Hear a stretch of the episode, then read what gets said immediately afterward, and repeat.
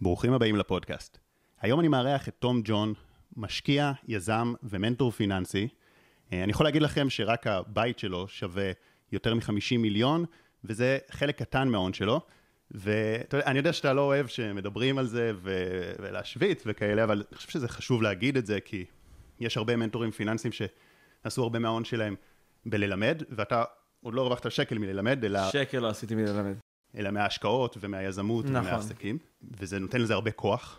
אה, אז היום אנחנו נדבר גם על, על המון נושאים, גם על התנהלות פיננסית, איך, איך אה, גם לחסוך ו mindset מבחינת כסף, אה, גם על כל מיני כללים ליזמים, מתחילים וצעירים, וכללים במערכות יחסים. בסוף כסף אנחנו עושים עם אנשים, אז זה מאוד מאוד קריטי ויש לך המון כלים מאוד משמעותיים בזה, וגם תכלס כלים על בורסה, על השקעות, על נדל"ן. מדהים. יש לנו הרבה דברים לדבר. כן. איך הגעת לזה? זאת אומרת, איך נכנסת לעולם הזה? הרבה פעמים בחיים שלי עשיתי כסף גדול, נקרא לזה מיני אקזיט של אה, כמה מ- מיליוני שקלים, אה, והפסדתי את הכל, ועשיתי עוד פעם ביזנס טוב שיצר לי כמה מאות אלפים בחודש, והפסדתי את הכל. והבנתי שמשהו לא נכון אצלי בהתנהלות. בחיים לא עשיתי השקעות, תמיד רוב הכסף שלי היה מעבודה, הייתי יוצר הייתי יזם סדרתי של חברות, כשהרווחתי כסף בחיים לא ידעתי מה לעשות איתו. והייתי חי את המציאות שכל ישראלי חי לא משנה כמה הוא מרוויח. הייתה לי הכנסה מסוימת, הייתי מגדיל את ההכנסה, הייתי מגדיל את ההוצאות. ראיתי איזשהו סכום שנכנס לי כל חודש, 10, 20, 30 אלף שקל בחודש, על סמך הסכום הזה התחייבתי לכל מיני הלוואות ומימון של רכב, ו... אה, שכירות של דירה מאוד מאוד יקרה, וכל פעם שעלתה לי הכנסה חודשית, המשכתי להגדיל את ההתחייבויות האלה של, של מה שאני קורא לו נטל ולא נכס. בסופו של דבר נפלתי על הפנים, והבנתי שזה לא הדרך. אה, ועשיתי ככה ריסטארט מההתחלה. אה, חסכתי עוד פעם שקל שקל. הבנתי שכסף אמור לעבוד בשבילי, ולא אני בשביל הכסף. אומר, הנקודה הזאת שאתה מדבר עליה היא מאוד מעניינת, שכאילו אנשים עושים כבר כסף ולא מצליחים להחזיק בו, וזה משהו שאתה מדבר עליו הרבה. אני חושב שהדוגמה עם הרכבים שאתה מתייחס אליה היא מאוד uh, יפה. אני רואה אצל הרבה ישראלים, ישראלים יודעים לעשות כסף. ישראלים יודעים לייצר כסף. ישראלים, אנחנו לא איזה מדינת עולם שלישי, שמאוד קשה להגיע פה לשכר שהוא מעל שכר מינימום. חבר'ה צעירים עם ראש על הכתפיים, שרוצים לעבוד קשה, יודעים לעשות כסף. הבעיה שכמו שהם עושים כסף, ככה הם מאבדים אותו. והסמל סטטוס, לדעתי, זה בית בלי משכנתה, זה אוטו ששילמת עליו, גם אם הוא עולה 5,000 שקל, זה סמל סטטוס הרבה יותר יפה. ומה שעשיתי, בעצם פעם אחת עצרתי ואמרתי, בואו אני אראה לכם שנייה על הלוח, כמה עולה לכם ההלוואת רכב. ולא לקחתי מרצדס, לקחתי הלוואת רכב רגילה של 1,000-1,500 שקל בחודש, והראיתי שבריבית דריבית, שזה אומר שהריבית עצמה מייצרת כסף כל חודש, אם הייתי לוקח את אותו כסף ומשקיע בקרנות גדילה, או ב-S&P 500, או במדד VTI, שזה כל הבורסה של נסדק שעשה בשנים האחרונות 12-13 אחוז, אם הייתי משקיע את כל זה ל-30 או 40 שנה, זה היה מגיע לי למיליוני שקלים, ל-4-5 מיליון שקל. וזה ההבדל הרבה פעמים בין מעמד הביניים למישהו עם יציבות פיננסית. כשאני אומר מעמד הביניים, ש...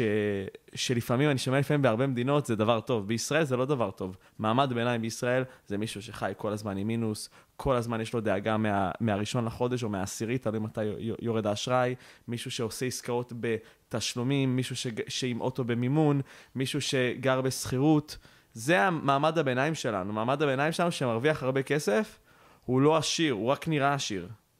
אז קודם כל אנחנו ניגע גם בכל ההשקעות, זרקת פה כל מיני S&P וזה, אז אנחנו ניגע בזה גם עוד בפודקאסט הזה, מה אפשר לעשות ואיך לעשות.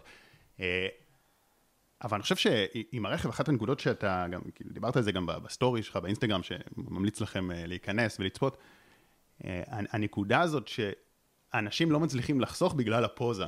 נכון. ואנשים לא, לא מבינים כמה פוזה עולה, ואני, אגב, אני לא... הדבר האחרון שאני, שאני עושה זה שופט או נותן ביקורת. כי לי יש תואר בטמטום פיננסי אחרי כל הדברים שאני עברתי. יש לי תואר בטמטום, אני קניתי לי אוטו ספורט עם דלתות שעולות למעלה, שילמתי עליו באזור ה-400,000 שקל, והכל היה בהלוואה. קניתי אוטו נוסף, שהמחירון שלו חדש היה 1.6 מיליון שקל, כשהייתי בן 22, וקניתי אותו כמובן אה, לא חדש, אבל קניתי אותו גם בהלוואה מאוד מאוד גדולה, והפסדתי עליו מאות אלפי שקלים. אני גם חשבתי, בדיוק כמו הרבה אחרים, שזו הדרך, אבל זוהי לא דרך אופטימלית. הרבה פעמים אני מדבר על דבר שנקרא אה, איתות זהבי, סמל זהבי. זה איזשהו אה, איתות שנוצר על ידי אה, פרופסור אמות זהבי.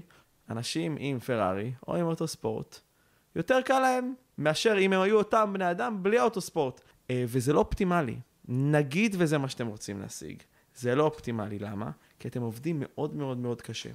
לממן את הפוזה שלכם, כדי לייצר איזשהו איתות זהבי. גברי, בואי, בואי תראי, אני יש לי פרארי, לגברים אחרים אין, אני עילאי על זכרים אחרים, בואי תהיי איתי. מאשר לעשות משהו אופטימלי יותר. מה זה אופטימלי יותר?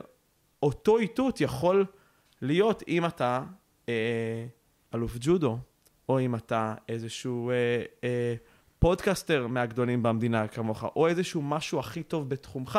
אתה יכול להגיד, הנה, אני איש מצליחן, אני הכי טוב בתחומי. זה מושך את המין הנשי באותה מידה אבולוציונית, זה, חקרו את זה עם טבלאות מתמטיות. זה מושך, אבל זה יותר אופטימלי, כי אני לא שורף על זה כסף, אני מייצר מזה כסף, ואני לא שורף על זה כסף. אתה אומר בעצם, יש לנו גנטית את הצורך אה, להרשים חברתית, כאילו ככה משם הגענו, ורואים את זה עוד מהחיות וגם בבני אדם, ו, וזה אתה אומר אה, מוכח, אבל למה לעשות את זה דרך דברים, ש... זאת אומרת, זה לא הדרך האופטימלית, נכון, דרך פרארי, דרך פוזה. אני לא בהכרח בא, בא נגד האנשים שקונים את המרצדס. אני הייתי כזה, אני מבין מאיפה זה בא. הרבה פעמים זה בא במקום של חוסר ביטחון. יש דרך אופטימלית יותר להיות מרשים. אני גם היום בא ואומר, זה לא ירשים לכם את האנשים הנכונים, אם בחורה תימשך אליך בגלל האוטו, היא לא בחורה שתהיה לך טובה. אבל אני כן מבין מאיפה זה בא, אני כן מבין את הצורך של גבר להרשים. אגב, זה, כשאני אומר גבר, אבל לפעמים גם יש נשים שעובדות בדיוק באות, באותה צורה, פשוט סטטיסטית אני רואה את זה יותר עם גברים, מהנקודת מבט שלי. ובעצם אני רוצה לשנות את הסמל סטטוס מהסמל של ה-BMW לסמל של, ה... של אוטו בלי, בלי הלוואה. אני עדיף אלף פעם ללכת ברגל או לנסוע באוטו של 5,000 שקל, מאשר לנסוע, לנסוע על אוטו בהלוואה. ואני חושב שזה כסמל סטטוס, זה סמל סטטוס יותר מרשים. וזה גם, מי, מי, אם עכשיו הבחורה מעניין אותה כסף, זה גבר שהוא יותר יציב פיננסית. כן, אני חושב שבאמת אה, אחד הדברים שתוקעים הרבה אנשים בהתנהלות הפיננסית, זה באמת הקטע הזה שהם משתמשים בכסף שאין להם כדי להרשים אנשים שהם לא באמת אוהבים. נכון, אה, זה משפט מאוד מוכר. כן, ואני חושב שזה נותן הרבה כוח, שאתה בא, אחרי שעשית כסף, ועשית הרבה כסף, ואתה אומר, חבר'ה, בשביל לעשות את הכסף הזה, בהתחלה, אני נסעתי ברכב של 5,000 שקל. נכון. וזה נותן כוח, כי, כי אני, רואה את זה, אני מרגיש את זה גם על עצמי, ואני רואה את זה עוד יותר על חבר'ה צעירים יותר. אנחנו רוצים את הכסף עכשיו. אני רוצה עכשיו שיהיה לי את הנכסים של הנדל"ן וזה, אבל הדרך להגיע לשם דורשת קצת משמעת עצמית, ועכשיו בוא נדבר על איך לעשות כסף, איך, כי אתה אומר שכל אחד יכול להגיע למיליון, אחד. להגיע למיליונים. אה, תוך כמה שנים. נכון, נכון, כל אחד, ואני מקבל על זה הרבה ביקורת והרבה סקפטיות מאנשים חדשים. מי שעוקב אחריי, נקרא לזה שלושה חודשים וצפונה, כבר מבין את הראש שלי. אני מסביר לאנשים שהם צריכים לחסוך סכום דו-ספרתי בחודש, שזה נשמע לא הגיוני. סיבה שזה נשמע לא הגיוני זה, אה, אחד, כי זה אומר שאני צריך להרוויח סכום דו-ספרתי יותר גבוה בחודש, ושתיים, זה אומר שאני צריך לחיות ברמת חיים מאוד מאוד נמוכה. אמ, ויש שני דרכים לעשות את זה. אז בעבודה יש לי את שני האפיקים. או שאני עובד כמו חמור בעבודה רגילה, או בעבודה נוספת, או שיש לי קריירה מצליחה. הרבה פעמים עושים את שני הדברים האלה במקביל. אני עובד על הקריירה, ואתה יודע, זה כמו בהוליווד, שהשחקנים המתחילים בערב הולכים לשטוף כלים ולמצר באיזה, באיזה מסעדה. זה גם בסדר. זה גם בסדר. הרבה אנשים שמתחילים איזושהי יזמות ואיזשהו עסק, פתאום מתבאסים ויש להם uh, בעיה ללכת ולעבוד בסייד ג'ו, במלצרות, במשהו כזה, כדי להמשיך לממן את החיים, למרות שיש להם עוד זמן. רוב שנות ה-20 שלך היית גם uh, שכיר, נכון? אני בגיל 23-4 הייתי עוזר אישי. של איש עסקים, קבעתי לו אה, מס, מסעדות, עבדתי בעבודות רגילות וסטנדרטיות לחלוטין. אני חושב שזו נקודה חשובה, כי, כי איפשהו ב, בעולמות של האינסטגרם והטיק טוק, ובמיוחד בעולמות האלה, שמו כזה כי שכיר כמעט מילת גנאי. ממש לא. הרבה מהכסף שעשיתי היה כשכיר. אפשר, אפשר מאוד להתעשר בשכיר. בטח שיש לנו היום, אנחנו מעצמת ההייטק. אם אני מדבר על לחסוך עשרת אלפים שקל לחודש, מתכנת אה, היום, אה, נקרא לזה ממוצעת בכיר, וזה לא איזה מנכ"ל או סמנכ"ל, מתכנת מרוויח מעל 40 אלף שקל בחודש. אה, עם זה אפשר לעשות מיליונים, אתה אומר. עם, עם זה אפשר לעשות המון. אז האקסטרים הראשון זה שיש לי קריירה שהיא מצליחה, אני מצליח לייצר מעל 20 אלף שקל בחודש ממשהו שאני אוהב וטוב לי איתו, וזה, אם, אם זה כיזם, או אם זה כשכיר בתחום הייטק או בהרבה תחומים אחרים, ויש עבודות כאלה, אבל זה לא פשוט. זה לא פשוט להגיע לזה. האופציה האמצעית זה שאני בדרך לשם. אני רוצה להיות מעצבת אופנה, ואני עובדת עכשיו על לפתוח אתר אינסטגרם, ולאט לאט מתחילות לי הזמנות, אבל אני עוד לא שמה. ואז זה אומר שאני צריכה לשלב את זה עם, עם side job. זאת אומרת שבזמן שאני עושה כמה שעות ביום את האינסטגרם שלי כמעצבת אופנה, או בזמן שאני עושה כמה לקוחות של לק ג'ל בבית, או בזמן שאני עושה, אה, למדתי עכשיו אה, מנעולנות ויש לי כמה לקוחות, אני עושה עוד עבודה. אני לוקח את ה side job הזה שיכניס לי לפחות 50 שקל לשעה. עכשיו אני אדבר על ה side job הטוטאלי. אז, אז, או סליחה, לא side job, אלא עבודה לכסף. שזה כל דבר שהוא לא קריירה שלי, לא מעניין אותי לעשות אותו. זה לא מה שאני רוצה לעשות, אה, נקרא לזה כקריירת חלומות, אבל זה מכניס לי כסף. אם אתם מרוויחים פחות מ-50 שקל לשעה, הבעיה אצלכם. עכשיו, זה נשמע מוזר, שוב, זה, זה מעל שכר המינימום, יש אנשים שמרוויחים פחות מזה בתחנת דלק או מקדונלדס, אבל יש כל כך הרבה הזדמנויות. היום מנקה בתל אביב, בטח אתה מכיר את זה, אם אתה מביא ב-70 או 80 שקל לשעה, אתה קראטיסט, וגם מאוד מאוד מאוד קשה למצוא. לא חסרות עבודות. אם מישהי מלצרית באיזה מועדון, או יש המון המון עבודות. מן הסתם, כמה שאני יותר מוותר על נוחות, ככה השכר שלי יעלה. ונכון, ויש עבודות נוחות, גם אני יכול להיות ברמן בבר שכונתי שאין לו הרבה עבודה, או באיזה בית קפה, ולהרוויח פחות מ-50 שקל לשעה. אבל אם אני עובד בבר הומה אדם, עם, אה, עם אנשים שקשה לי איתם, ועם לקוחות בעייתיים, ו, וקצת, אה, ועבודה קשה, אז אני ארוויח מעל 50 שקל לשעה. אז בואו ניקח את ה-50 שקל לשעה כבסיס, שאם אני לא מרוויח אותו, כנראה הבעיה אצלי. כמה שנים ראשונות, אם אין לנו הון ראשוני, צריך לעשות את הוויתורים האלה. זה, זה יעזור לי אחרי זה לכל החיים, ואנחנו, יש לנו, אתה בטח עושה פודקאסטים עם אנשים חכמים ממני ברפואה, אנחנו לא נחיה עד גיל 70, אנחנו נחיה יותר. זאת אומרת שאם אני מקדיש עכשיו אה, כמה שנים בשנות ה-20 שלי, זה יכול להביא לי ל-60, 70 וצפון השנה קדימה. אה, אז אני חושב שהמחיר הוא חשוב. אז כן, אז אני מלמד אנשים לקחת באינטנסיביות כמה שנים כדי לחסוך כמה שיותר כסף. ב-50 שקל לשעה, אם אני עובד, שים לב טוב, 14 שעות ביום, שזה אומר, זה משאיר לי 8 שעות מנוחה, כולל השינה, שזה מעט מאוד וקשה, אבל אנשים מצליחנים לא צריכים לישון 8 שעות ביום, לדעתי. עכשיו אתה בטח עושה פודקאסטים על רפואים וזה, וכולם צריכים את השינה שלהם, אחלה. כל אחד והאמונה שלו. אני, אני בטוח שזה לא הדבר הכי אופ, אופטימלי לגוף, אבל אני יודע שאופטימלי זה לעבוד קשה ולהרוויח כסף. ואז אני עושה את החישוב הזה, נגיד ואתה עובד שבע ימים בשבוע, שישי, שבת, ויש לך את ה-150 אחוז, וה-125 אחוז על השעתיים הראשונות, טה-טה-טה, 50 שקל לשעה האלה, רק אם לעבוד כל יום, שישי, שבת, ולקחת יום או יומיים חופש בחודש, שזה מעט מאוד, ואפשר לעשות את זה לתקופת זמן קצרה, אתה עושה מעל 20 אלף שקל לחודש. אתה עושה מעל 20 אלף שקל לחודש. ואז כדי לחסוך 10,000 שקל לחודש, צריך לוותר על הפוזה. אז אם אתה בחור או בחורה צעירה, ויש לך הזדמנות ואופציה לגור עם ההורים, אז תגור עם ההורים. ואם יש לך אופציה לא להוציא כסף בבילויים, ולעשות בילויים זולים בלי כסף, יצירתיים, אז תפעיל את הראש, תעשה בילויים יצירתיים. אה, אבל מה אם אתם זוג, ואתם עם ילד, ו- ואין לי את האופציה להיות כמו בחור צעיר שיכול uh, לוותר על הכל ולחיות במשכורת רעב? אז יש שיטה. שני ההורים עובדים קשה, משכורת אחת, ואני מעדיף הזולה יותר, הנמוכה יותר, הולכת להוצאות, ומשכורת אחת הולכת לחיסכון.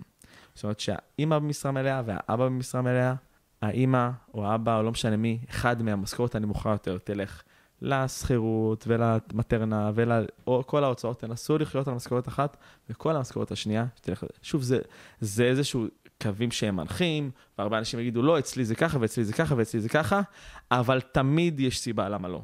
צריך שיהיה סיבה למה כן. ואז אם אני מגיע למצב שאני חוסך 10-12 אלף שקל בחודש, ואני מצליח לחסוך 100-150 אלף שקל בשנה, אז אני תוך שנתיים-שלוש יכול להגיע להון עצמי של, אתה יודע, 450 אלף שקל, תוך ארבע שנים של 600 אלף שקל, לשים את זה כ-50% משכנתה לדירה, וכשאני קונה דירה, אני לא אקנה את הדירה שהכי כיף לי לגור בה, אלא אני אקנה דירה שאני יכול לגור בה. קירות, מיטה, טלוויזיה, דלת, למצוא עסקת מציאה, ואני מוצא, איך אני מוצא עסקת מציאה? אני רוצה עסקה שהיא 15-20% מתחת למחיר שוק. עכשיו, אתה יודע, אני מקבל הרבה בקלש, איך אתה מוצא 15-20% מתחת למחיר שוק? איך אפשר? בטח לא אם אני, אני לא מהתחום, בסדר, מי שיש לו קשרים וזה. יש דרך לנצח את מי שיש לו קשרים. איך? אנחנו הישראלים במקום הראשון בעצלנות, עם חריצות ונחישות. כי אותו, אותם אנשי נדל"ן לא הולכים לראות 100 דירות.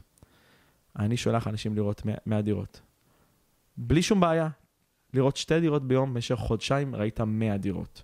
נותנים הצעה ל-30 מהם, 2-3 ירדו 15% מתחת למחיר שוק. זו סטטיסטיקה שהיא ודאית. אני חושב שיש איזו נקודה משמעותית שהיא גורמת להרבה אנשים לא לעבור את המשוכה הזאת, המשוכה הזאת של החיסכון שדיברת עליו, כי, כי זו משוכה שהיא לא קלה.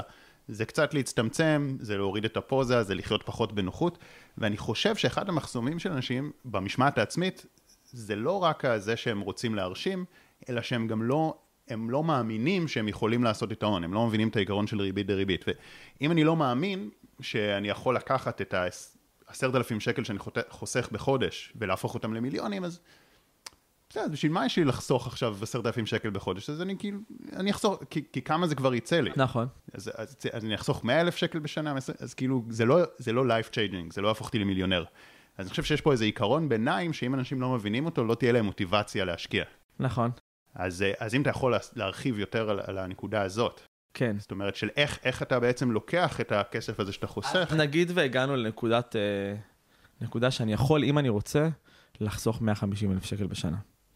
12 וחצי אלף שקל בחודש אם אני רוצה. אגב, גם אם לא, אז זה ייקח פשוט יותר זמן. אבל אני אחסוך, יכול לחסוך בתקופת זמן, אני כרגע אומר את זה בשנה, כי הרבה אנשים שלא האמינו בעצמם, שלא האמינו בעצמם, שעברו איתי אחד על אחד, הגיעו למצב שהם עושים את זה. בגלל זה גם יש לי הרבה הרבה מידע שאני נותן על איך להביא קריירה שעושה את זה. לא, אי אפשר לעשות את זה בכל עבודה. אבל אני כן מפנה אנשים, מי שרוצה, ויש לו את הכלים, והוא מקשיב לכלים שלי, יכול. אז אני אקח את זה כנקודת הנחה, ושוב, אם מישהו לא, לא מסכים עם זה, פשוט תאריכו את התקופה שאני אומר משנה לשנה וחצי, שנתיים, לא יודע. אבל אני אעשה מנקודת הנחה שזה בשנה. ובארבע שנים עשיתי 600 אלף שקל. וההלוואה היחידה שאני בסדר איתה זה משכנתה 50 אחוז. זו ההלוואה שאני חי איתה בשלום. כל שאר ההלוואות אני לא אוהב. אני לא מקבל ואני לא אוהב. משכנתה 50 אחוז, כי אז יש לי הרבה equity, יש לי ערך בבית, אז אני אוהב את זה. ואני הולך לדירות שעולות מיליון וחצי שקל. ודופק להם על הדלת, ראיתי 100, 100 דירות ל-30 מהם נתתי הצעה 20 אחוז פחות. אחד אמר לי כן, נתן לי את הדירה של מיליון וחצי ב-1.2. שמתי 50 אחוז, 600 אלף. כבר הרווחתי 300 אלף. את ההפרש בין 1.2 ל-1.5, נכון? קניתי אותה מתחת למחיר שוק, זה נקרא wedge. wedge deal. יש הרבה הזדמנויות לזה, זה לא בא, אבל הצלחתי במשך חצי שנה, רדפתי אחרי עסקה, מצאתי אחת בחריצות ובנחישות. אז כבר יש לי עכשיו הלוואה משכנתה של 600 אלף שקל, ו... השווי שלי בדירה זה 900 אלף שקל. בינתיים הערך של הדירה עולה, ואני ממשיך לעשות 150 אלף שקל בשנה. עברו ארבע שנים, אני יכול לסגור את ההלוואה הזאת כמו שהיא, את ה-600 אלף שקל שלי, עברו ארבע שנים, נשאר לי את המשכנתה של ה-600 אלף. הייתה לי את הדירה שווה מיליון וחצי, אם קניתי אותה באזור טוב, אזור מתפתח, אזור עם הגירה חיובית. זה אומר, מה זה אומר? יש הגירה שלילית והגירה חיובית בנדל"ן. הגירה שלילית זה אומר, זה שכונות כאלה קשות, שלא מבינים למה הן לא מתפתחות, כי כל מי שקונה שם זה מי שנולד שם, ו... או המשקיעים שקונים כדי להשכיר למקומיים. זה לא מקום שאנשים קונים שם כדי לגור ולהיכנס לשכונה. אני אתן לך דוגמה מעולה להגירה חיובית, אנשים שקונים כדי לגור ומעולם לא גרו שם, פלורנטין. זו שכונה עם הגירה חיובית. ברגע שאתם רואים שממשיכה הגירה חיובית, הטרנד יהיה למעלה. ואז קניתי נגיד בכזה מקום דירה שווה מיליון וחצי, בעוד ארבע שנים היא תהיה כבר שווה שווה שתיים. זאת אומרת שאני כבר אחרי כמה שנים, שתי מיליון. זה משהו שאני יכול לעשות לו אקסטרפולציה, וכבר, ואז אני יכול להגיד, אוקיי, אני לא צריך לגור בדירה של שתי מיליון, אני יכול לגור בדירה של מיל, מיליון. אז אני קונה, ב... לוקח חצי מיליון, מכרתי את הדירה שלי בשתי מיליון, אין לי הרי משכנתה, כי את ה-600 אלף כיסיתי עם עבודה, מכרתי בשתי מיליון את הדירה, שם חצי מיליון למשכנתה, ויש לי עכשיו מיליון וחצי להשקעות. אתה בעד להשקיע בדירה שאתה גר בה? נכון, אוקיי, אני אסביר לך למה. הרבה אנשים, אוקיי, הרבה מהאנשים שעוברים את התהליך שלי, מגיעים איתי להסכמה על הכל. היה לי, היה לי בחור כזה, היה איש הייטקיסט, פתאום שלחתי אותו לעשות וולט, הוא לא האמין שהוא יכול לעשות יותר כסף. Uh, הוא היה עובד כמתכנת, היה עושה עשרת אלפים שקל לחודש, שלחתי אותו לעשות וולט, וולט ב, ב, בלילות ובסופי שבוע. ובהתחלה הוא היה עושה, וואי, איזה קטע מעניין. בהתחלה הוא היה עושה uh, וולט בעיר, לא בעיר שהוא גר בה, כי זה היה לו מביך. ואחד הדברים שאני רוצה לפתור עם החבר'ה שעובדים איתי, זה את המבוכה הזאת, אין, אין בזה בושה. ואז אה, הסברתי לו את זה, ואמרתי לו, שמע, הדבר הכי מדהים בעולם זה התהליך שאתה עובר. ואני חושב שזה הדבר שהכי מרשים אנשים. והוא התחיל לעשות בשכונה שלו, איפה שהוא גר כל החיים שלו. זה לא עכשיו מישהו שאתה יודע, עבר לתל אביב. זה מישהו ש, שבשכונה, איפה שהוא גדל, עושה שליחויות. אה, ואז מן הסתם רוב האנשים הוא מכיר אותם, כי הוא שם 30 שנה. וכל פעם שפתחו לו את הדלת והוא היה עם מגש פיצה, הוא אמר להם, אמרו לו, מה? מה, מה אתה עושה פה? באת עכשיו שליח? אתה, אתה עובד בהייטק? אני אומר, והוא אומר להם, תקשיבו, אני עכשיו עובר תהליך, אני רוצה לחסוך כסף, ואתה יודע מה קרה? הוא קיבל טיפים של החיים. הוא בא ופתח, וגם הוא קיבל הערכה. זה, זה לא הביך אותו. הוא יצא אחרי משמרת, מתקשר אליי, אומר כמה אהבה קיבלתי, איזה כיף. במקום כאילו, הייתי בטוח שאני אחזור בבושת פנים, חזרתי הביתה משמרת, איזה כיף. סיפרתי לאנשים על התהליך שלי, וכשאתה אומר לבן אדם, אני עובר תהליך, זה הדבר הכי מדהים בעולם. אין בזה בושה, ורוב האנשים מקבלים את זה. עשה ארגזים של טיפים, אוקיי? אז אני לוקח אותך לאותו בן אדם. אני רוצה לחזור לשאלה שלך אם לגור בדירה הראשונה שאני קונה. הדבר הראשון שאני אומר שעושים הון עצמי זה לגור, לקנות את הבית הראשון, את הדירה הראשונה. אני לא חושב שאנשים צריכים להיות יזמי נדל"ן, אני חושב שכל בן אדם, זה משהו שצריך ללמוד בבית ספר, צריך לדעת איך לקנות את הדירה הראשונה. זה בסיסי, זה לא רק ליזמי נדל"ן, זה גם למי, לשוקה מהסופר וגם לכולם. ואז הוא אמר לי, תום, אני כבר מרוויח הרבה כסף ואני מצליח לחסוך כסף. אני אקנה דירה להשקעה זבל, כי אני לא רוצה לגור בזבל, ואין לי הרבה הון עצמי, אני אקנה דירה בדרום תל אביב במיליון שקל, אני אשכיר אותה ב-3,000 שקל לחודש, ואני אגור בדירה בשכירות ב-7,000 שקל לחודש, ואני, יש לי מספיק כסף בשביל העוד ארבע. למה לא לעשות את זה? למה לא את הדירה הראשונה להשקעה? וזה מה שאני מקבל הרבה הרבה הרבה מאנשים שעוברים את הדרך איתי, כי אני מלמד אותם איך לחסוך באינטנסיביות, איך לעבוד טוב, ואז כולם מגיעים לא, לא, לאותו מצב שאומרים, שמע, אני רוצה לקנות את הדירה הראשונה מהר, כי כולנו רוצים לעשות את זה מהר ואני בעד, אבל לא רוצה לגור שם. זה חורבה, אני רוצה לגור בדירה שעולה 2-3 מיליון שקל, ואני עוד לא עם ההון העצמי שם. וזה בדיוק השלב המשמעותי ביותר אצלי בדרך. אתה צריך לחיות את העוני שלך. אתה צריך לחיות את האושר שלך. אתה חייב להפסיק לחיות בבועה ולחיות את העוני האמיתי שלך. רק כשאתה עובר לגור בדירה ששמת עליה 50% משכנתה, רק אז סוף סוף, אחרי כמה שנים שאתה עובר תהליך שלי, סוף סוף פעם ראשונה יש לך מראה לעוני האמיתי שלך. אחרי שחסכת הרבה הרבה הרבה הרבה הרבה הרבה כסף, רק אז אתה יורד ואתה פתאום קולט, בואנה, חייתי בשקר. ומשם מתחילה הצמיחה. אבל אולי, נגיד, בן אדם יכול לקנות דירה של שני מיליון, אה, אבל במקום לקנות דירה של שני מיליון לעצמו, אולי הוא יכול לקנות כמה דירות אה, עם תשואה יותר גבוהה. אני מבין אותך, מתמטית, יכול להיות שאתה צודק, יכול להיות שאתה טועה, אנחנו נשב על הלוח. אבל אין פה עניין מתמטי. אימון פיננסי זה 80% פסיכולוגי. אהלן חברים, מיד נמשיך בפרק, אבל אם אתם אוהבים אני רוצה להגיד לכם שתום פותח קהילה מיוחדת ש... עוזרת לכם בהתנהלות פיננסית מתוך אה, הרבה ניסיון. הוא כבר עשה את זה עם קבוצה קטנה, שאני הכרתי אנשים שהיו בקבוצה הזאת, וזה משנה חיים לחלוטין. אני, זה הסיבה שגם אה, הכרתי אותו, ורציתי להביא אותו לכאן, כי אני יודע איזה ערך מטורף יש לזה, ואיך הוא כאילו לקח אנשים שכאילו לא היה להם...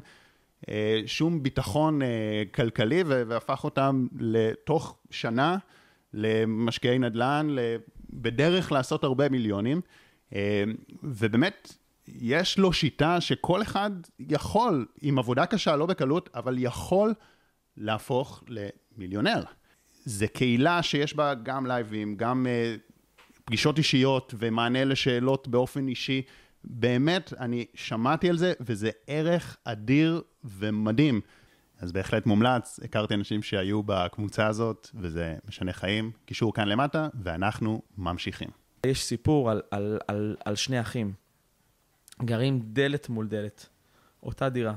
שניהם מתחילים 200 אלף שקל, אחד קונה את הדירה ומשלם משכנתה כל חודש 6,000 שקל, השני אה, גר בשכירות, ה-200 אלף שקל הון עצמי שהיה לו, שם בשוק ההון, משלם 4,000 שקל שכירות, ועדיין הוא רוצה להוציא כל חודש 6,000 שקל כמו אחיו, אז עוד 2,000 שקל הוא שם בשוק ההון. אחד גר בשכירות ולא קונה את הדירה, ומשקיע את כל הכסף בשוק ההון, ואחד משקיע את כל הכסף בדירה. למי יש יותר כסף אחרי 30 שנה? אם אתה יושב על הלוח מתמטית לזה ששם בשוק ההון, יש יותר כסף, כי לפחות בעבר התשואה הייתה יותר גבוהה, אלא אם כן נפלת על איזה דיל נדל"ני היסטרי באיזה שכונה שפרצה. אבל זה טעות. זה שקנה את הדירה יש לו יותר כסף. למה? כי הוא כל חודש שילם את המשכנתה, כל חודש, לא משנה מה. הבחור של שוק ההון, חודש אחד היה בר מצווה לילד, והוא רצה לסוס לחו"ל, חודש אחרי זה הוא רצה לעשות איזה טיפול שיניים, אז הוא משך קצת כסף. חודש אחרי זה הוא לא הפקיד כמה חודשים, כי היה לו לחץ, כי קורונה, כי יש חוסר ודאות. הוא לא מחויב. אין בן אדם בעולם שיכול לעשות התחייבות לעצמו ל-30 שנה לשים 2,000 שקל בחודש בלי שום דבר יחייב אותו, ויעמוד בזה. גם לא אני, אגב. אני גם. תגיד, תום, שים 2,000 שקל בחודש על משהו, ובוא נראה אותך עושה את זה 30 שנה, זה לא יקרה. זה או שיעלה, או שירד, או שישתנה. קשה מאוד. הדבר הכי מדהים במשכנתה, ששוב, אני לרוב נגד הלוואות, אבל דבר, אחד היפים במשכנתה של 50 אחוז, שיש לי ערך בבית, ואתה יודע, הדבר היחיד שאני לא אוהב בהלוואות זה, זה הנפילה. למה אני אומר לאנשים, קחו משכנתה 50 אחוז? למה אני אומר, שימו אה, שנתיים של כרית ביטחון? זה אומר, תשלומי משכנתה של שנתיים, 24 חודש, בצד נגיש. למה אני אומר להם, קחו ביטוחים אפשריים? כי אני רוצה שהם ייקחו משכנתה שהם לא יכולים להיכשל בה. אבל אז יש לה איזשהו יתרון שהיא מחייבת אותי לת, לת, לתהליך. אז בגלל שזה פסיכולוגי, ומי שעושה את זה, את, את התהליך הזה איתי, אני רוצה שהבן אדם שלומד יעבור לגור בבית שהוא קנה, שיראה את העושר או את העוני האמיתי שלו, ושיצא משם. דמיין שיש לך דירה שעולה 600 אלף שקל. אתמול דיברנו עם, אה, עם אה, בחור מחדרה, יש מלא דירות ב-600,000 שקל, וזה במרכז הארץ, חצי שעה נסיעה, אפילו פחות לפעמים, מתל אביב. דירות שלושה חדרים ב-600,000 שקל, יפות, יפות. ויש לך אוטו ב-5,000 שקל, הון עצמי, 605,000 שקל, אבל הדירה שלך והאוטו שלך. ואז מתחילה קורונה. הכל בסדר, אתה קם בבית, יש לך את הבית, יש לך את האוטו שלך. אתה הולך לפגישה, בפגישה אומרים לך, שמע, אתה יכול אה, להרוויח ככה, או שאתה יכול להרוויח אופציות או אחוזים, אתה כבר אין לך את המשקולות. אני זוכר את עצמי, כשהייתי גר בשכירות והיה לי הלוואת רכב, כשהייתי הולך לפגישה, אנשים היו מציעים לי הצעות, פספסתי הצעות מדהימות, להיכנס שותף במיזמים, והייתי אומר להם, כן, אבל אני חייב ריטיינר, אה, אני חייב משכורת חודשית, אני חייב משהו חודשי. ואומרים לי, מה חודשי? בוא תיכנס איתנו שותף. ואני אומר להם, כן, אבל יש לי הוצאות. מה אכפת להם? המטען שלי הכביד על העסק. אנחנו צריכים לעשות החלטות בלי מטען, החלטות עסקיות, החלטות של קריירה, בלי מטען. אני רוצה שמי שלומד התנהלות פיננסית אצלי, יגיע לפגישת עבודה, יגיע לדיוני שכר, יבוא לפגישה עסקית, ולא יהיה לו מטען שהוא חייב, שהוא יעשה את ההחלטה הנכונה עבור עסקית, ולא בגלל שיש לו את המשקולות האלה כל חודש, לשלם לזה ולשלם לזה, ותשלומי רכב, ותשלום על ספה שפרסתי ל-12, ותשלום ותשלום ותשלום. האמת שזה מסה משמעותי, אני, אני יכול לקחת את זה על עצמי עכשיו, שגם עברתי דירה. והייתה לי, הייתה לי את המחשבה, אולי, אולי אני אעבור, אני אזכור איזה אה, דירה במגדל מאוד יקרה, אני יכול להרשות לעצמי בסך הכל, ו, וממש הייתה לי את המחשבה, אוקיי, אבל אם אני... אז זהו, אתה לא יכול להרשות לעצמך. כן, אני לא... אז, אז אם הדירה שאתה רצית לשכור עולה 5 מיליון שקל, אני לא אומר כאילו עליך, עולה, עולה 10 מיליון שקלים, ואין לך 5 מיליון שקלים לשים בדירה, אז אתה לא, אז אתה לא יכול, זה מה שאני מנסה להסביר לאנשים. זה שאתם יכולים לשלם את זה עכשיו חודשית, אתם צריכים לא לישון בלילה, פחד אלוהים, כל יום ללכת למיטה ולהגיד, זה לא שלי.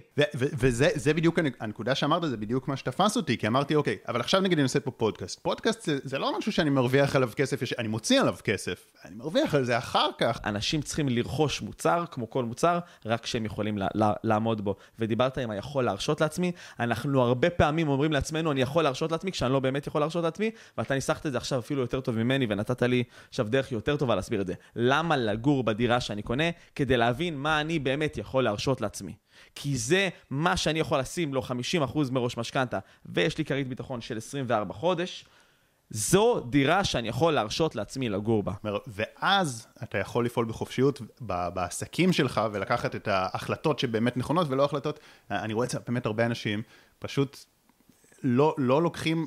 דברים שיכולים, אוקיי, להשקיע עכשיו אה, שנה בלי שכר, אבל לעשות אחר כך הרבה יותר, והם לא, לא יכולים לקחת את זה, כי אין להם שנה שהם יכולים להחזיק בלי שכר. מה אתה יכול להרשות לעצמך?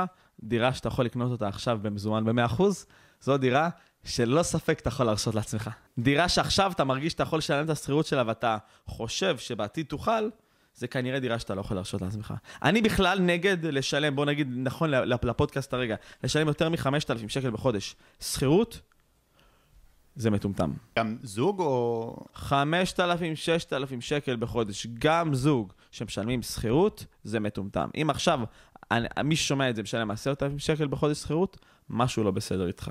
אתה צריך, אתה לא במצב הזה, אתה מצב, תשלם 5,000, 6,000 שקל, קח את הכסף, תקנה דירה, אותה דירה שעולה 10,000 שקל לחודש, שהיא, בוא נגיד, זה 120,000 שק, שקל לשנה, אה, אה, זה אומר, זו דירה של 5 מיליון שקל. יש לך הזדמנות עכשיו לחסוך 5 מיליון שקל, או לפחות 2.5 מיליון, כדי להרשות לעצמך כזאת דירה. אבל מה אם, יש נקודה שאני חושב שהרבה מנטורים מדברים עליה, שאם אתה לוקח ומעלה את רמת החיים שלך ליותר ממה שאתה יכול, אז זה uh, מחלחל פנימה, זה יוצר תודעת שפע, מה אתה חושב על זה? קח את הרכב, תיקח את הדירה כדי להרגיש, להרגיש בשפע, ואז אתה אולי תייצר הרבה יותר. יש מי שאומר את זה. אני מבין מה שאתה אומר, אני מבין מה שאתה אומר, אני אענה על זה. לפתוח את החשבון בנק ופתאום לראות חצי מיליון שקל, זה עוד יותר תודעת שפע. לראות שיש לך נכס. תשוויצו בנכסים שלכם, בהחזקות שלכם בשוק ההון. אני לא אומר תהיו צנועים ותחיו כמו מסכנים. אני לא אומר את זה, אני אומר תחשבו להזיז את הפוזה מהאוטו, מהשמפניה, מהשעון, לנכסים, החזקות בשוק ההון, ביטקוין שאתם מחזיקים, דברים שמייצרים לכם מנטל לנכס. אל תהיו פתאום, אנחנו ישראלים, אנחנו אוהבים את הפוזה. תזיזו את הפוזה למשהו אופטימלי. זה לא סוד שהרווחתי הרבה כסף בחיים. אבל uh, יש לי, כל המנטורים פיננסיים האחרים, חברים שלי טובים, ויש לי חברים שאומרים בדיוק ההפך, תיקחו הלוואות ותשקיעו בעסק, דברים שאני פחות מאמין בהם, ואלף ואחד דברים. וכל המנטורים הפיננסיים שאני אוהב אותם מאוד ואני מעריך אותם, אמרו לי, תום, אתה טועה בגישה שלך. אם אתה לא תראה יותר שמפניות ומכוניות ותאכות, אתה יודע, אנשים בשוק שאני לא מצלם את מה שאני עובר במהלך היום. אתה יודע, לפעמים אנשים שלא מכירים אותי, נכנסים לחשבון אינסטגרם שלי וחושבים שזה שואו, הם לא מבינים שאני מראה 0.01% מהחיים. אנשים אומרים, שמע, תום, אתה פותח שולחן ב-40-50 אלף, אתה לא מעלה סטורי אחד. זה לא הדוגמה שאני רוצה להראות. אבל אני כל הזמן אמרתי לאנשים, אני, אני רוצה להראות את עצמי, שזה אני ככה בטרנינג ובחולצה בלי לוגו, וזה 95% מהזמן, אני אהיה ככה. ואנשים אמרו לי שזה לא יעבוד. כי אנשים אמרו לי שאנשים לא יתחברו לזה כמישהו שהוא מנטור פיננסי. ואני הוכחתי ההפך. היום, אה, אם בעוקבים ובצפיות עסקינן, אני היום המנטור הפיננסי עם הכי הרבה עוקבים והכי הרבה צפיות, ולא כי הראיתי מכוניות ספורט ומטוסים פרטיים, למרות שטסתי במטוסים פרטיים ונסעתי במכוניות ספורט, אלא כי הראיתי את התוכן שלא צריך את זה. וזה בסדר לטוס במטוס פרטיים, זה חלק קטן מההון העצמי שלך, זה בסדר. אין בזה רע, זה כיף. אבל זה לא חכם ולא אופטימלי לעשות את זה מהסיבות הנכונות, וזה גם לא מביא כזה הרבה. זה הרבה יותר נכון להשקיע. להיות משקיע, לעבור את הדרך הזאת של ההשקעות. אני גם אוהב את זה שאתה, אתה יודע, אתה לא הופך אה, את השכירים למילת גנאי, שכמו שקורה, ב, קורה ב, שומעים את זה במקומות מסוימים, כי בסוף רוב האנשים יהיו שכירים. ואפשר לעשות מזה גם הרבה מאוד כסף, כן. כמעט כל מה שאני מדבר, אני מדבר על שכירים, גם מה כן. שנתתי לך לדוגמה עכשיו, זה קרים, שכירים וקריירה. לי יש בעיה אישית, ופה הרבה, על לקחת הלוואה בשביל לפתוח עסק. לא מאמין בזה. אני חושב שעסק צריך לפתוח באופן שיטתי.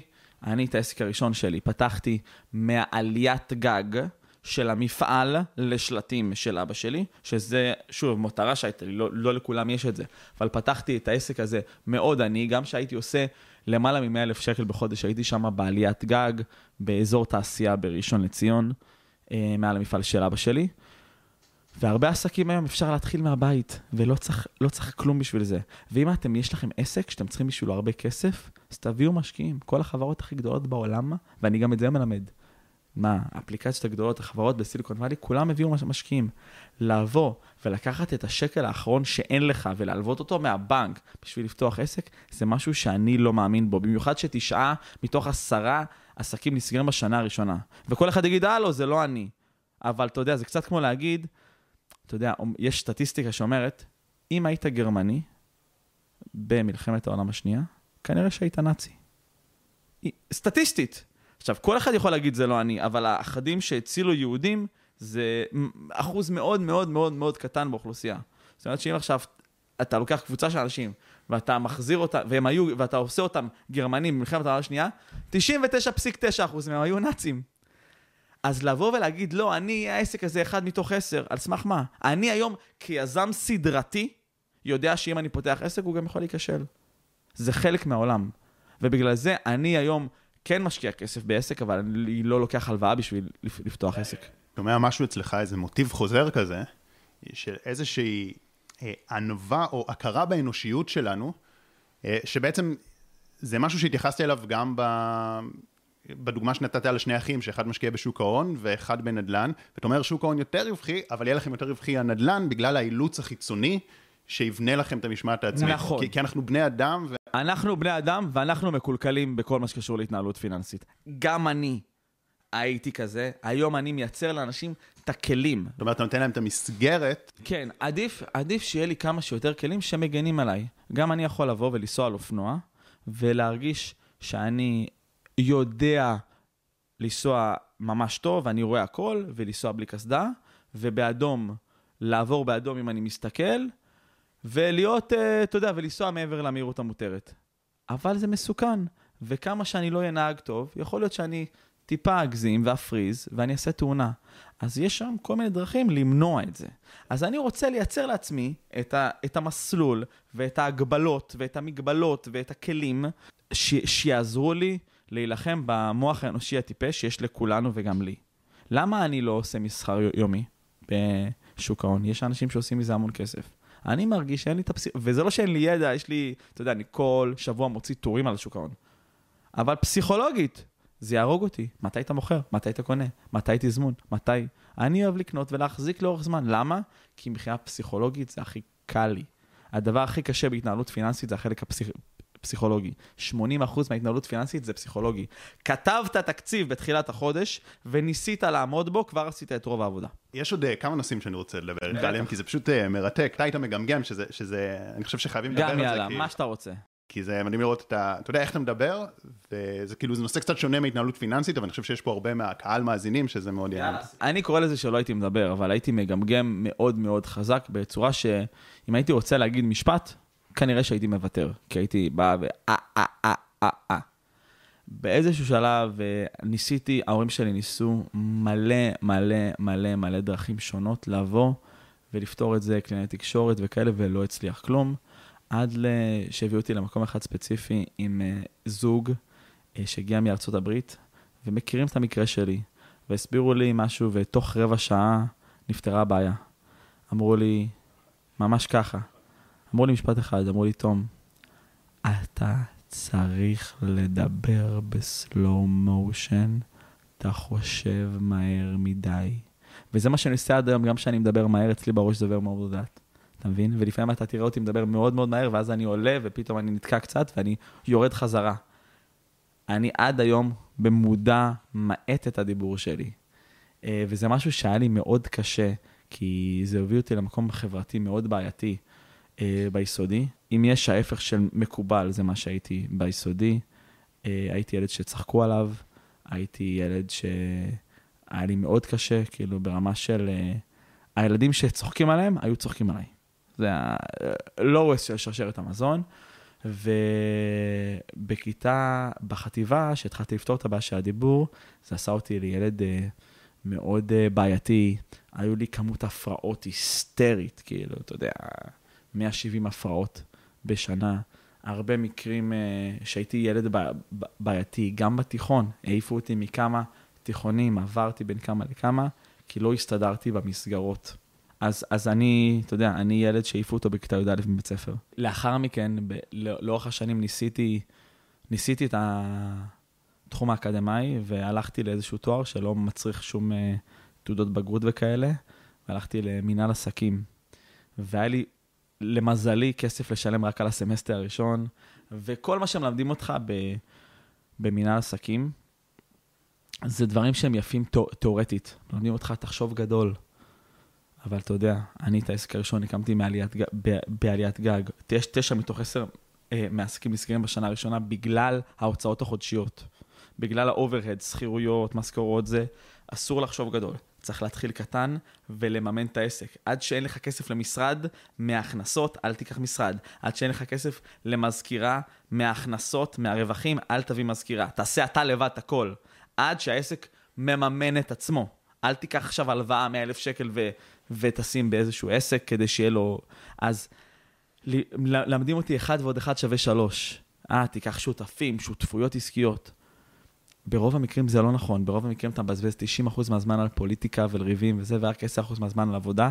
כש, כשאתה לבד, אתה יכול פשוט לקום ו- ולעשות דברים. קמת הבוקר עם איזשהו רעיון, אתה יכול לעשות אותו. אני גם לא מכיר יותר, יותר מדי אנשי עסקים מצליחים שאמרו, אה, ah, אני, ההצלחה שלי בעסקים, זה בזכות התואר שעשיתי במנהל עסקים. גם ת, תלך הכי רחוק, הבית ספר לעסקים הכי מוערך בעולם, הרווארד ביזנס סקול. אנשים הולכים לשם משתי סיבות. אחת, בגלל הקשרים שהם יוצרים, כי אחרי זה, אלה שהיו איתך בכיתה, מנכ"ל זה ומנכ"ל זה ומנכ"ל זה. שתיים, בגלל תהליך הסינון, מה שנקרא באנגלית הווטינג, הסינון. ברגע שעשית סינון, שקיבלו אותך לבית ספר הזה, עזוב, לא, לא למדת היום, אבל קיבלו אותך לבית ספר, זה כבר מראה שסיננו אותך ואתה מהאנשים החכמים והמוצלחים, ואז מקומות עבודה רוצים אותך. למה? כי הם פח, לא צריכים לעשות את הסינון. הרווארד עשה את זה עבורם, אבל לא מעניין אותם מה למדת בהרווארד, מעניין אותם רק שהתקבלת. גם אם לא הגעת לבית ספר יום, אומרים, אה, הרווארד סיננו אותו במשך חצי שנה, עשו לו מבחנים, עשו לו זה, אני כמעסיק יכול לעשות לו ריאיון עבודה ולהעסיק אותו, ולא צריך להעביר אותו רצף של, של מבחנים. ואלה שתי הסיבות ללמוד ב Harvard Business School. אני לא אומר שלא, שלא צריך תואר. אבל אני חושב שלכל מקצוע אתה צריך להבין מה אתה צריך. כמובן שאתה לא תרצה רופא מנתח לב, שלא, ש... של, שלא למד אה, במכללה או באוניברסיטה, באוניברסיטה רפואה. אה, ויש מקצועות שצריך, ויש מקצועות שצריך קורס, ויש מקצועות כמו עסקים שאולי עדיף ניסיון מעשי ולהיות צמוד לאיזה איש עסקים. לכל מקצוע צריך משהו אחר, ואני לא עכשיו אשב ואתן לך רשימה של מה צריך למה. אבל הדרך שאני מלמד אנשים, תסתכלו על אנשים שמובילים בתחומם במה שאתם רוצים לעשות, ותראו מה צריך לעשות כדי להגיע לזה, מה הם עשו.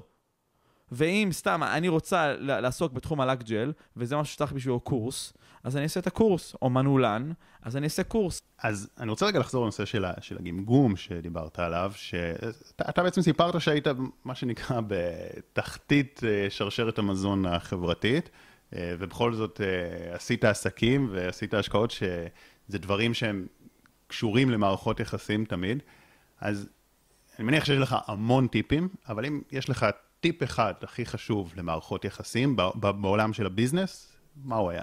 קודם כל לתת. אתה יודע, מערכת יחסים של תן וקח, קודם כל אומרים תן, ואז אומרים קח. זה לא קח ותן, זה תן וקח. קודם כל לתת. הרבה פעמים אני רואה שאנשים פוגשים אנשים שיכולים לעזור להם. ומה הם עושים דבר ראשון? מבקשים עזרה. אה, אולי אתה יכול לעזור לי פה, אולי אתה יכול לסדר לי עבודה, אולי תמליץ, אולי זה. פגשתם את הבן אדם. זה מישהו שהוא, שאתם מעריצים אותו, שיכול להיות מנטור שלכם, שיכול לעזור לכם, אל תבקשו ממנו עזרה, תציעו לו עזרה. מה אני, מה אני יכול לעשות בשבילך? מה אני יכול לעשות? אני אעבוד בחינם שלושה חודשים אצלך, אני רוצה להיות מתמחה שלך, אני רוצה לעזור לך, אני רוצה ללמוד ממך, אני מוכן לתת, ולא רק אני רוצה ללמוד ממך, מה אני מוכן לעשות? אה, אני, אני יודע שאחת ושתיים ושלוש וארבע זה סתם, אני רוצה להיות מעצבת אופנה, ואת פוגשת איזה מעצבת אופנה, מדהים. אני אשב ואני אחתוך ואני אגזור ואני כל מה שצריך בחינם. רק בשביל לעזור לך. הרבה פעמים אנשים פונים אליי ואומרים לי, תום, מה שאתה צריך, אני מוכן לצלם לך סרטונים בחינם. אני מוכן uh, לבוא ו- ולשבת איתך ולרשום הערות ולשלוח לך סיכומי פגישה. הם מוצאים דרך של משהו שאני באמת צריך. תמצאו מה הבן אדם הזה צריך ותעזרו לו. קודם כל תן. קודם כל תיתנו מעצמכם, ורק אז לבד כבר יבוא הכך. זה נורא פשוט. כן. זה חזק, באמת עיקרון uh, משמעותי. ואנחנו ישראלים, אנחנו כאילו חצופים ואנחנו מתגאים בזה, אבל לפעמים אנחנו חצופים מדי. והרבה פעמים, אני רואה את זה אצלי, אנשים באים וישר אומרים, מה אני יכול לקחת ממנו, מה אני יכול זה, ובמקום לבוא ולהגיד, איך אני יכול לתת. ואחד הטיפים הכי טובים שאני, שאני יכול לתת זה קודם כל, תציעו את עצמכם, ועדיף אפילו בכמה שפחות כסף אם לא חינם. אם תבואו ואתם רוצים להיות שדרני רדיו, ותפגשו במקרה את uh, דידי הררי, או מישהו שיכול לעזור לכם בת, בתחום הרדיו, ותגידו לו, שמע, דידי, אני מוכן לבוא ולהיות לידך ולהכין לך קפה ולענות לך על שיחות ולעשות כל מה שצריך, אני רק רוצה להיות לידך. זה הצעה הרבה יותר טובה מאשר דידי, אולי תבוא תוכל לסדר לי איזה עבודה, אני שדרן רדיו מתחיל. תן וקח, וקודם כל תיתן. האמת שזה זה בכלל נקודה שמאוד מעניינת אותי, שאני מנסה להבין את הסיבה שמתחת להצלחה. כי יש לך גישה מאוד מסוימת להתנהלות פיננסית, ודיברת עליה, ויש מנטורים שמדברים על גישה בדיוק הפוכה, וש, ויש אנשים שבאים אליך ומצליחים, ויש אנשים שהולכים לגישה הפוכה וגם מצליחים. השיטה כן עובדת, אבל גם שיטה אחרת יכולה לעבוד, זאת אומרת יש איזה משהו מתחת להצלחה. אני אתן לך סטטיסטיקה. כן. בדקו דיאטות, דיאטות בארצות הברית. מה הדיאטה הכי אפקטיבית? יש כל מיני דיאטות לחתוך פחמימות, ויש דיאטת סנדוויצ'ים, ושש ארוחות קטנות ביום, ויש קלוריז אין, קלוריז אאוט, ופלאו, ואתקינס, ואלף ואחד סוגי דיאטות, ושומרי משקל, ויש מלא דיאטות. ובדקו איזה דיאטות עובדות. אתה יודע איזה דיאטה עבדה הכי טוב? זאת שאתה מתמיד בה. זה שאתה נכנס לתהליך, ואתה נכנס לדרך, זה כבר רוב העבודה. אמרנו 80% מהתנהלות פיננסית זה פסיכולוגי, זה אפילו לא הכלים עצמם והידע עצמו, זה פסיכולוגי. זה שאני מהבוקר עד הלילה, אני בדרך שאני מאמין בה. אז אני חושב שהדרך שלי הכי אופטימלית, בגלל זה זה מה שאני מציג, אבל זה שכבר בעם בא ועשה דרך, זה כבר הרוב, הוא כבר נמצא שם. רוב האנשים לא באים ועושים את הדרך הזאת. לגמרי. התמדה זה קריטי, ואתה מאמין בקרמה גם? אני מאמין מאוד בקרמה. אני אה, בן לאימא שהפכה להיות בודהיסטית אה, עם השנים, גדלתי בבית בודהיסטי, אה, מאמין בקרמה, מאמין, מאמין במנטרות. אתה יודע, המון ממה שאנחנו רואים בהעצמה בזה, זה מנטרות. מנטרה זו מילה שהגיעה מבודהיזם. קרמה זו מילה שהגיעה מבודהיזם. אתה יכול רגע להסביר מה זה אולי בקטנה לפני ש... כן. מנטרה זה הרבה פעמים שאתה אומר לעצמך משפט, ואתה מאמין בו. אתה תקום בבוקר, ואתה תיכנס למקלחת, ואתה תשטוף את עצמך עם מים קרים, ואתה תגיד, היום אני הולך לעשות יותר ממה שעשיתי אתמול. היום אני הולך לעבוד הכי קשה בחדר, היום אני הולך לזה, יש משפט, משפטים שמלווים אותך, ואתה חוזר על עצמם, זה מנטרות. לי יש מק, מקועקע משפט על החזה, אנחנו נדבר על זה גם. זה מנטרה. מקועקע לי המשפט של גנדי, בהתחלה מתעלמים ממך. אחר כך הם צוחקים עליך. אחר כך הם נלחמים בך ואז אתה מנצח. זה הסיפור חיים שלי. אני חי עם מנטרות. בסופו של דבר, אנחנו קולטים הרבה, אבל אם לא יהיו לנו את המשפטים ואת מה שילווה אותנו, ואני חושב שזה קיים בכל הדתות. אתה יודע, יש לי חברים שהם חרדים והם זוכרים פסוקים. זה מנטרה. זה גם מנטרה. אז אנחנו צריכים את המילים האלה, למילים האלה יש כוח. ו- וקרמה זה פ- פשוט, זה, איך אומרים, אה, אתה יודע, אה, שהילדה שלי הייתה קטנה, איך היא אמרה לי? הכל חוזר אליך וקקע בידיך. זה ההגדרה של קרמה. מה שתיתן לעולם זה מה שתקבל. בגלל זה נתינה, אה, זה דבר שאני מאמין בו, זה דבר מדהים.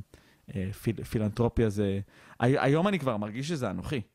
מהסיבה שכשאני עושה פילנטרופיה וכשאני תורם ונותן, אני מרגיש שאני נהנה יותר ממי שמקבל. אז אני כבר מרגיש שאולי זה כבר לא קרמטי. שכולם יהיו אנוכיים באופן כזה, שכולם יהיו כל כך אנוכיים. זה הכי כיף בעולם, אני, אני חושב ש, שכל מי ש... שכל מי ש... תיתן לו לעשות אה, פעילות פילנטרופית שהוא מאמין בה, הוא יגיד לך שזה הדבר הכי כיף. אבל זה לא כיף שיש לחצים ויש הלוואות ויש תשלומים. בזה אני אומר, הדרך שלי לאושר, ואני לא מנטור של העצמה, אבל הדרך שלי לאושר, זה מספיק שיש לך את הקובייה שאתה גר בה, ואין לך משכנתה, ויש לך אוטו ב-5,000 שקל ואין לך תשלומים. מפה, כסף, יותר כסף לא יעשה אותך יותר מאושר, וכבר בדקו את זה. בדקו שאם אתה מצליח להדוף את הגובים מהדלת שלך, ואתה מצליח לשלם את החשבונות שלך, יותר כסף לא עושה אותך יותר מאושר. נתינה עושה אותך מאושר. הבעיה שזה באסה שיש לך כל הזמן לחצים ו- ופש ודברים על הראש, אתה צריך לשלם. וכשאין לך את זה, אז איזה כיף זה נתינה. ואתה חושב שנתינה היא גם, יש בה איזושהי סיבה מתחת לסיבות להתעשרות, שכאילו כן, אולי מי, מי כן. שנותן, אז אתה תלך בדרך כזאת או בדרך כזאת, ספק כן. אתה תרוויח. ללא ספק כן, ללא ספק כן. אבל גם אתה צריך לעזור לקרמה. חברים, מיד נמשיך בפרק, אני רק רציתי לעצור כדי לספר לכם על המועדון הפיננסי שאני פותח, הקלאב של תום ג'ון. עשיתי את זה אגב כניסוי חברתי. רציתי לראות אם אני אצליח. רציתי לראות אם אני אצליח להפוך אנשים למיליונרים. והצלחתי, והצלחתי, ולא כולם הגיעו, לא כולם הגיעו עם, אה, אוקיי, אני מרוויחה ככה וככה ואני חוסרת ככה. אנשים הגיעו, אני מוציא יותר ממה שאני מכניס. אני לא, לא מצליח להכניס. והצלחתי. זה מועדון שאני מייצר שם קהילה של אנשים שצופים בוובינר שבועי של שעתיים שאני עושה איתכם ומביא אפילו עוד אורחים מהעולם הפיננסי. אני עונה על שאלות, אה, ייעוץ פיננסי אחד על אחד אונליין. אני מראה ונותן המלצות של ההשקעות שאני בעצמי עושה. אני אה, מייצר לכם שם קהילה סגורה, כמו מין פורום, אה, קבוצת פייסבוק שאפשר לדבר ביניכם. אני עושה הרצאות פרונטליות פעם ברבעון, אה, והולכים להיות שם מלא מלא דברים כדי באמת להוביל אתכם בתהליך פיננסי. זה משהו שכבר עשיתי בעבר בקבוצה קטנה, זה הצליח מדהים, אבל אה, זה היה פרונטלי, כי זה היה רק כמה עשרות אנשים, ועכשיו אני עושה את אותו מודל אחרי הרבה ניסיון ולמידה שלי לאלפי אנשים. אה, וזו הקהילה, ויש לכם פה קישור, ואני ממש אשמח אם תצטרפו אליי לדרך הפיננסית. איש אחד, היה לו חלום לזכות בלוטו. כל היום הוא עשה מצוות. כל היום הוא עשה רק מעשים, מעשים טובים, עזר לילדים, עזר לאנשים, עשה מצוות, וכל לילה התפלל לזכות בלוטו. גיל 80 הוא נפטר, הגיע למעלה, אמר, אלוהים, מעולם לא חטאתי, רק עשיתי מצוות, רק עזרתי לאנשים. רק ביקשתי דבר אחד, לזכות בלוטו. איך לא נתת לי לזכות ב- בלוטו? אז אלוהים אומר לו, לא מילאת כרטיס. אז אנחנו גם צריכים לעזור לעצמנו. אז אנחנו צריכים כן לבוא ולהיות בדרך הנכונה. אבל הרבה פעמים אתם תראו שאנשים מפסידים את כל הכסף שלהם על חוסר מזל, או שאנשים פתאום מצליחים עם מזל. מה זה המזל הזה? זה שני דברים. המזל זה שני דברים. אחד מהם זה קרמה. שני, זה הפעולות שלנו. אתן לך דוגמה הכי טובה. אני עשיתי הרצאה על ביטקוין. חודש לאחר זה שעשיתי, והביטקוין היה 30 אלף דולר, והצגתי ואמרתי כמה אני חושב ש, שביטקוין זה טוב וצריך לקנות. לא המלצתי, אבל אמרתי צריך לקנות, ואני חושב שזה יגדל ויצמח. חודש לאחר, לאחר מכן הביטקוין עלה מ-30 אלף דולר למעל 50 אלף דולר, אוקיי? אנשים עשו 70 אחוז על הכסף, מי שקנה. אמרו לי, אה, יש לך מזל. אמרתי, נכון, יש לי מזל. מזל שזה קרה בדיוק בטווח זמן קצר, אבל היסודות שאמרתי שביטקוין יהפוך להיות מטבע שיותר משתמשים בו, ובאמת חיברו אותו אמזון, וש... אז, אז, אז זה לא היה קורה עכשיו, אבל אמזון הם מחברים אותו אז בעוד שנה, ואז זה היה קורה. העקרונות, זה לא המזל. יכול להיות שזה המזל שזה קרה לי בשלושה שבועות אחרי ההרצאה, יכול להיות שזה מזל, אבל העקרונות היו נכונים, ומה שאמרתי שהולך לקרות קרה, פשוט קרה הרבה יותר מהר, ואולי שם היה מזל. ארנולד פלמר, השחקן גולף הראשון בעולם שזכה במיליון דולר בטורניר גולף, כל הזמן עשה הול אין וואן. הול אין וואן, מי שלא מכיר גולף, זה שאתה אה, בחבטה הראשונה מגיע עד הסוף והכדור נכנס. זה מזל, זה מלא מזל. וכל הזמן במדיה, בעיתונות, רשמו איזה מזליסט, איזה מזליסט. והוא זכה מקום ראשון, ב... והוא זכה אה, במיליון דולר בגולף פעם ראשונה בעולם, ואמרו איזה מזליסט. וארנולד פלמר ענה פעם לאיזה עיתונאי, ככל שהתאמנתי, ככה היה לי יותר מזל. אז מה זה מזל? זה, זה המוכנות, אבל גם צריך קצת... את- מבחינתי, באופן אישי, אני לא יודע מה עם המאזינים, כי נתנו הרבה דברים, אבל מבחינתי זה, זה אולי הדבר הכי, הכי עמוק. כי באמת, אתה יודע, אתה חוקר אצלך, אתה מסתכל, ו, ואתה רואה שבסוף זה... יש את העקרונות, אבל יש את מה שמתחת, שזה אפילו, שזה אפילו עוד יותר. אבל אמרת פה עוד משהו שמתחבר לעוד נושא שרצינו לדבר עליו, וזה ההשקעות עצמם, נכון. במניות, בביטקוין, ו, ויש לך עיקרון שאתה אומר לא לנסות לתזמן את השוק. נכון. בשביל לתזמן את השוק אתה צריך הרבה מאוד ידע. אפילו אני אגיד לך ככה, בוגרי הרווארד, Yale, MIT וכל מיני אוניברסיטאות, מה שנקרא Ivy League, הכי טובות בעולם, מוצאים תלמידים מצטיינים, שולחים לעבוד בוול סטריט כמקצוענים במסחר, מרוויחים משכורת בסיס לפני בונוסים של מעל מיליון דולר בשנה, מחזיקים צוות מתחתיהם שרק עושה אנליזה לדוחות ולמניות, ו-50% מהם מפסידים כסף למול השוק. מהמקצוענים, 50% מאותם מקצוענים שהם פי 500 עלינו, ובטח פי 500 עליי, לא יודע אם עליך, אבל הם יודעים יותר טוב 50 ממני. אחוז זה אומר שסטטיסטית, ה-50 אחוז שמרוויחים זה פשוט כי זה סטטיסטיקה. זאת אומרת, אף אחד לא מצליח. זה, זה גם מעניין. אז מי אני שאתזמן את השוק? מי אני שידע מתי לקנות? המוח שלי גם אה, נוטה לזה שכשזה נופל אז אני מפחד אז אני מוכר, וכשזה עולה אז אני מתלהב אז אני קונה, מה שנקרא פומו, שזה בדיוק הדבר ההפוך ממה שצריך לעשות. לי מאוד קשה לתזמן את השוק, אמ, ובגלל זה אני מאמין בלקנות חברות שאני מאמין בהן, מאמין במוצר שלהן, להחזיק אותן לאורך זמן, ואז גם יש נפילות ועליות, אני מאמין במה שאני עושה. אתה יודע, וורן באפט, שהיה לי תקופת זמן, האיש הכי עשיר בעולם, קנה את קוקה קולה כשהם היו בשפל, אבל גם עשו בדיקה, לקחו את המדד הכי גדול בנסדק, S&P 500, הכי פופולרי של ה-500 חברות הפופולרית ביותר בארצות הברית. אמרו, במשך 30 שנה, אם הייתי מצליח לתזמן את השוק, בדיעבד, בדיעבד לתזמן את השוק זה הדבר הכי מדהים בעולם, תחשוב. כל הנפילות, אחרי כל הנפילות אני משקיע כסף, מה היה קורה? אופציה ראשונה. אופציה שנייה זה לפני הנפילות, אני משקיע כסף בסין, כאילו אני הכי גרוע, אני משקיע, קונה, קונה את המניות כשהן הכי יקרות, וזה הכי פחות רווחי. ואופציה שלישית, סתם כמו קוף, משקיע 200 דולר בחודש. אותם סכומים לכולם, 200 דולר לחודש לא, לאותה, לאותה תקופה, נראה לי זה 41 שנה, זה 99 אלף דולר, משהו כזה בערך. זה שתזמן את השוק הכי גרוע, וקנה את הכל לפני, ה... לפני הנפילות, כמובן שנהיה לו הכי פחות כסף. זה שתזמן את השוק הכי טוב, וממש קנה, והוא עדיין אבל עשה כסף? ברור, עשה כן, כולם עשו כסף, כי לאור, לאורך זמן ה-S&P עלה. הוא ש- עשה, שזה גם יפה לראות. הוא עשה אפילו- מ-100 אלף דולר איזה 500 או 600 אלף דולר, ב-40 שנה. גם עשה כסף. זה שתזמן את השוק הכי מדהים, קנה בדיוק בתחתיות, זיהה את התחתיות, משהו שכאילו בלתי אפשרי לעשות אם לא בדיעבד.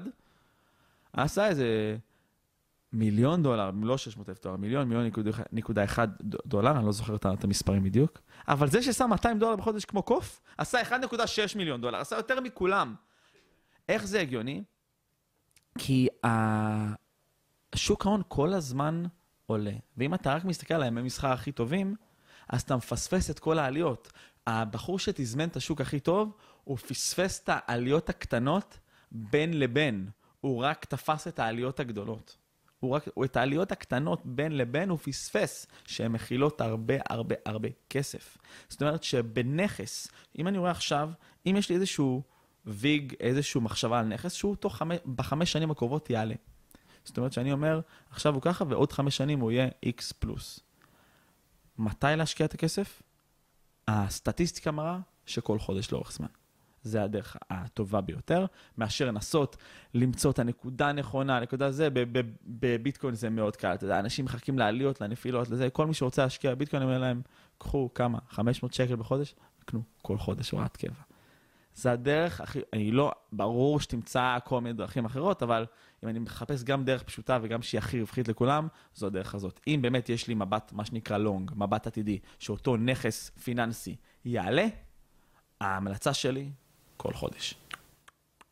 אני חושב שזה זה מאוד חזק, כי יש היום הרבה דיבור על אה, מסחר יומי ו, ו, והרבה פומו בהקשר הזה. יש לי חברים שיודעים לעשות זה מדהים.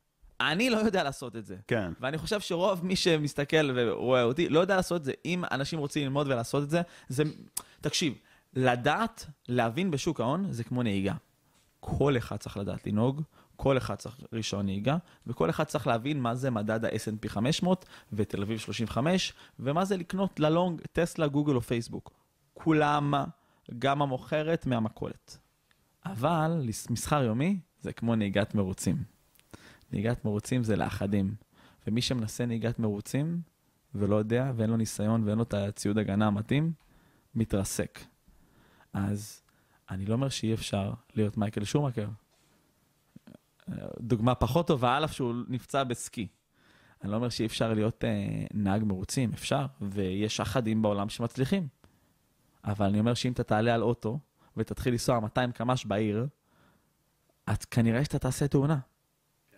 אותו דבר לגבי מסחר יומי ומסחר סווינג.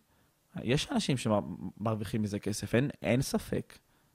אבל אני לא יודע ללמד את זה, ואני יודע שמי שכן לומד את זה, צריך לעשות את זה מאוד מאוד טוב וללמוד אצל האנשים הכי טובים.